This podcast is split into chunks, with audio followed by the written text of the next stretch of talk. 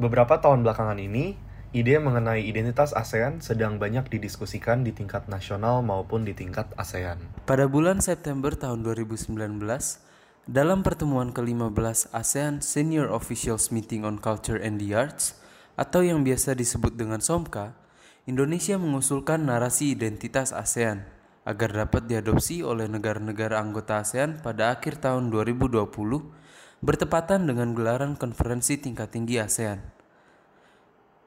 Namun, mungkin banyak dari kita yang belum familiar dengan apa itu identitas ASEAN, serta perbedaan identitas ASEAN dengan identitas regional Asia Tenggara sebagai sebuah kawasan. Di episode pertama ini, kita akan membahas dan berdiskusi mengenai isu seputar identitas ASEAN, bagaimana identitas ASEAN dapat berpengaruh pada keberlangsungan ASEAN, dan apa saja kontribusi yang bisa diberikan pemuda dalam proses perumusan identitas ASEAN dari sudut pandang seorang akademia. Saya Angel Wijaya. Saya Alexander, host episode kali ini. Dan Anda sedang mendengarkan The Asian Cast by UGM ASEAN Society.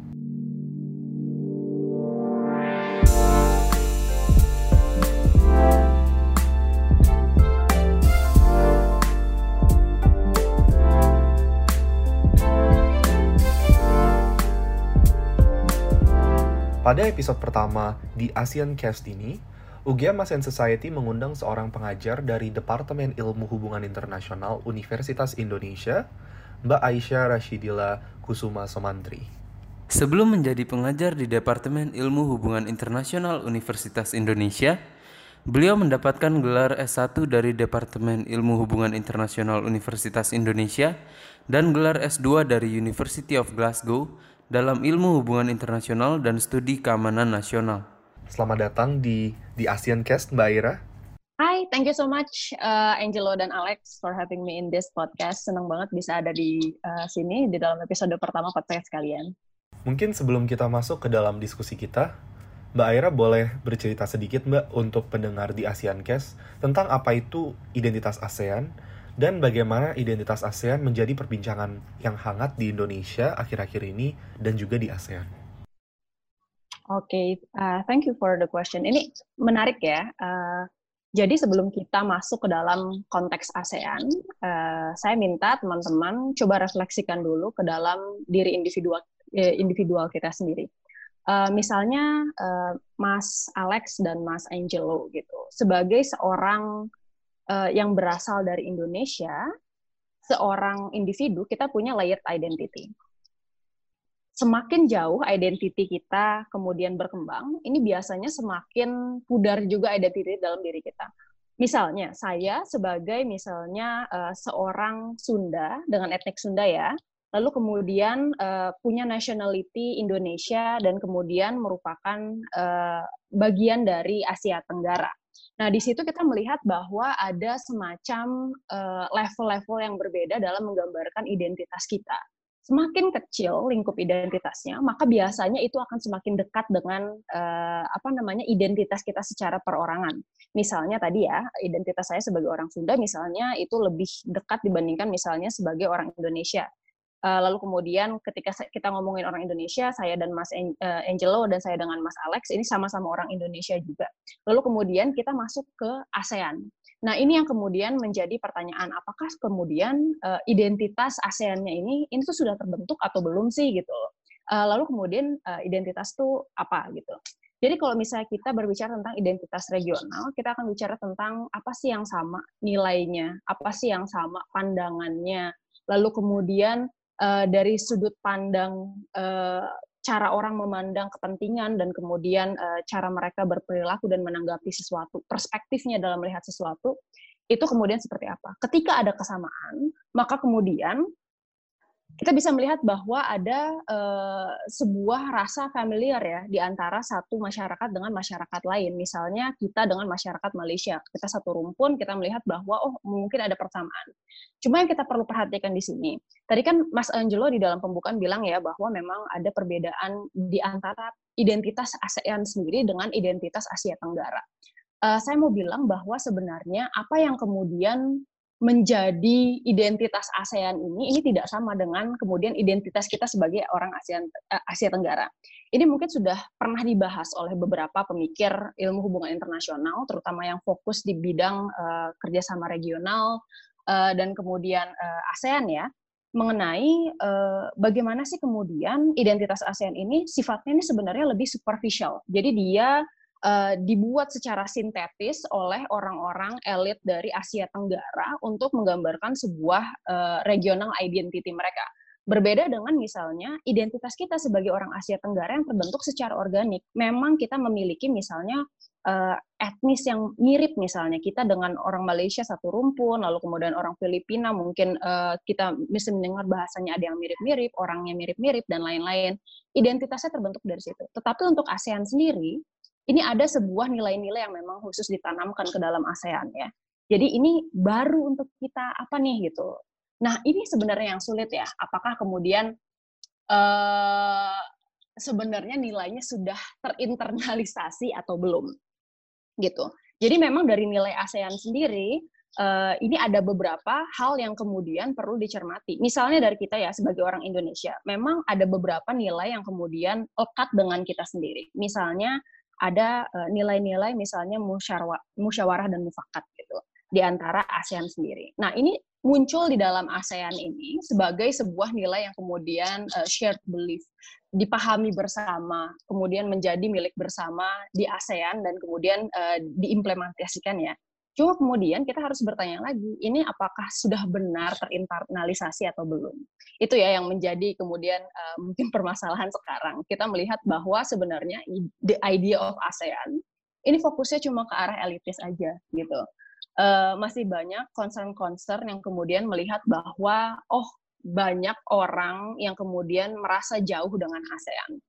Uh, mungkin ini ada relasinya dengan tadi ya identitas yang berlapis tadi. Tetapi rata-rata orang kemudian melihat, terutama anak muda ya, melihat sejauh apa sih sebenarnya uh, signifikansi ASEAN dalam hidup saya. Uh, di sini kan uh, sebenarnya merupakan sebuah proses pengingat ya bahwa memang membentuk identitas terutama identitas regional ke dalam diri setiap individu yang kemudian menjadi bagiannya itu memang uh, tidak mudah uh, gitu Angelo dan uh, Alex. Baik Mbak, uh, mungkin saya akan follow up sedikit tentang gimana sih kemarin pada akhirnya uh, ini menjadi sesuatu yang diperbincangkan kembali gitu. Uh, mungkin ada insight dari Mbak Aira, kenapa sih akhirnya ini dibawa lagi ke permukaan gitu setelah lama sekali nggak ada pembicaraan tentang ASEAN Identity ini, Mbak? Uh, jadi memang ya uh, gagasan terkait ASEAN Identity kan dibahas di ini ya uh, senior official uh, meeting for cultural and arts ya ya. Dan kita bisa melihat kalau misalnya memang uh, kenapa sih kemudian kok isunya dibahas lagi sekarang? Padahal dulu-dulu sebenarnya uh, ini kan sudah pernah dibahas cuma tidak pernah sampai tuntas ya. Dan ini sebenarnya uh, masalah yang saya, menurut saya ini ongoing. Tidak bisa kemudian kita melihat bahwa masalahnya itu selesai karena ketika kita ngomongin masalah proses identity building ini bukan sesuatu yang kemudian bisa selesai overnight gitu memang ada beberapa tahapan yang harus dilalui dalam uh, melakukan identity building. Di antaranya misalnya building mutual trust, lalu kemudian uh, information exchange, atau kemudian uh, kita bisa bertukar juga uh, apa sih namanya uh, culture dan kemudian uh, ini ya uh, apa namanya familiarity with one another gitu. Yang kita bisa melihat sekarang, uh, kenapa kemudian kok uh, baru sekarang lagi dibicarakan gitu. Nah, Sebenarnya, uh, kalau menurut ASEAN-nya sendiri ya, ini kan sebenarnya bagaimana caranya agar kita bisa uh, maintaining atau menjaga ya uh, cultural ecosystem yang kemudian ada di dalam negaranya sendiri dan kemudian dengan negara-negara lain.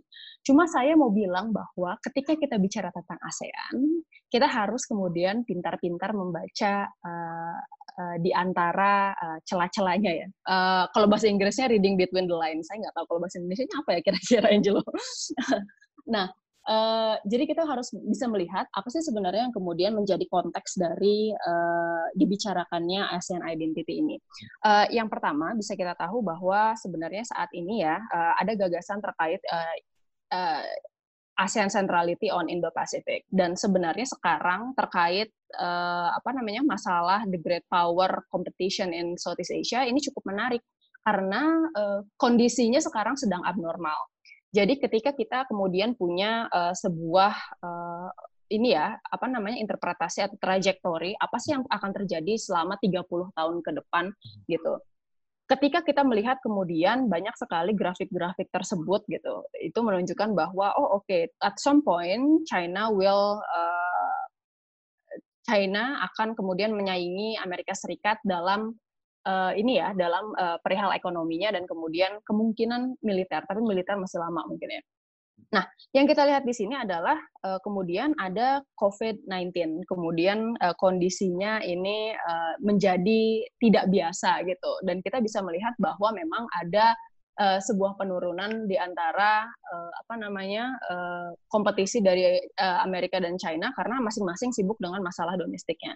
Hmm. Tetapi kemudian apakah the idea of ASEAN centrality-nya akan selesai sampai di situ? Tidak. Justru ini adalah di era of unexpectedness. Jadi di sini kita bisa melihat bahwa kita masih berada di dalam gray area gitu. Uh, apakah kemudian uh, gagasan terkait Indo-Pasifik ini akan uh, apa berjalan atau tidak gitu.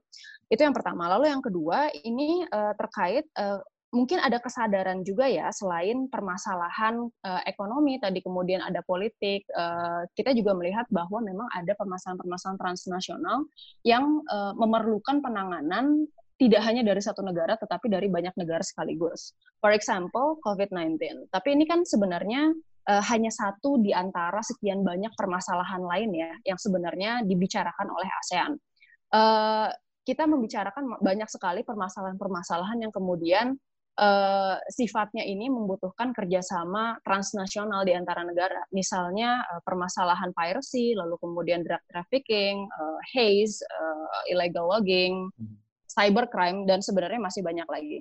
Jadi saya rasa memang eh, permasalahan terkait identitas ini memang sesuatu yang sebenarnya harus diselesaikan ya dari dulu. Tetapi mungkin sekarang karena ada kebutuhan yang lebih besar untuk kemudian eh, apa namanya mempererat kerjasama di antara negara dan kemudian uh, strengthening its integration and cooperation, makanya akhirnya uh, dimunculkanlah kembali kemudian ide-ide terkait uh, identity dan bagaimana sih kemudian shared identity bisa memperkuat uh, ASEAN secara keseluruhan.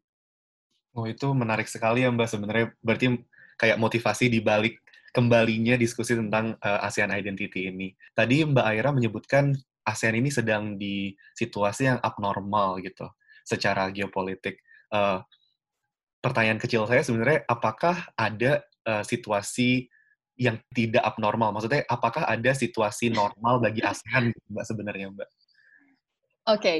uh, eh, karena saya sebenarnya uh, membicarakan biasanya lebih ke arah regional security ya, makanya saya akan bilang kalau situasi normal adalah ketika semuanya bisa diprediksi. Hmm. Predictability is what we consider to be a stable condition for uh, regional organization and uh, apa namanya politics among nation ya. Jadi kita bisa melihat kalau misalnya memang dari sini keadaannya kita bisa tahu nih misalnya kira-kira 10 tahun ke depan seperti apa, 15 tahun ke depan seperti apa in accordance to the theory. Gitu. Ketika kemudian muncul intervening faktor kayak gini ya, ada misalnya COVID-19 yang membuat uh, perekonomian Cina turun tetapi kemudian not stalled completely sementara di US sekarang uh, selain kemudian angkanya paling banyak sekarang juga sedang ada uh, instability di dalam negaranya sedang ada uh, permasalahan ini ya kasus uh, racial discrimination and uh, authority brutality ya di sana. Nah, kita bisa melihat kalau misalnya memang di sini ada berarti tadi intervening faktor itu yang membuat kemudian keadaannya tidak bisa diprediksi lagi gitu ke depannya itu seperti apa gitu. Oh. Sementara kan tadi kita udah ngomongin ya trajektori itu ketika kita bicara tentang 30 tahun ke depan seperti apa, 40 tahun ke depan seperti apa, kita akan melihat kemudian data-data yang sebelumnya gitu. Jadi pola yang kemudian akan terjadi itu seperti apa sih gitu. Menurut teori A misalnya hmm. nanti seperti apa sih? For example Gelpin ya membicarakan tentang uh, the hegemonic war. Kita akan melihat kalau misalnya uh, uh, kalau misalnya uh, Gelpin ini dia membahas bahwa ketika power disparity-nya semakin berkurang di antara misalnya uh, negara revisionis dan kemudian negara status quo, maka kemudian akan terjadi hegemonic war. Hmm. Tapi kan itu sebenarnya ketika semuanya berjalan lancar ya, ketika kemudian memang power parity-nya berkurang dan kemudian dalam kondisi ideal tersebut hal tersebut bisa terjadi. Hmm. But then di dalam kondisi-kondisi tertentu kemudian ada hal-hal yang uh, kita mungkin agak surprise ya di situ ya. Jadi ngelihat bahwa oh oke, okay, memang ini tidak bisa diprediksi dan memang ada faktor-faktor abnormal yang tadi saya bilang gitu. Jadi memang ini uh, di luar uh, apa namanya the textbook condition yang kemudian diketahui oleh scholars international oh. relations. Baik, Mbak. Terima kasih buat penjelasan di bagian okay. itu. Sangat menarik sekali. Oke, okay, um, sama-sama. Uh, sekarang kita akan istirahat dulu. Uh, kita akan kembali di segmen berikutnya dengan pertanyaan-pertanyaan yang jauh lebih menarik lagi.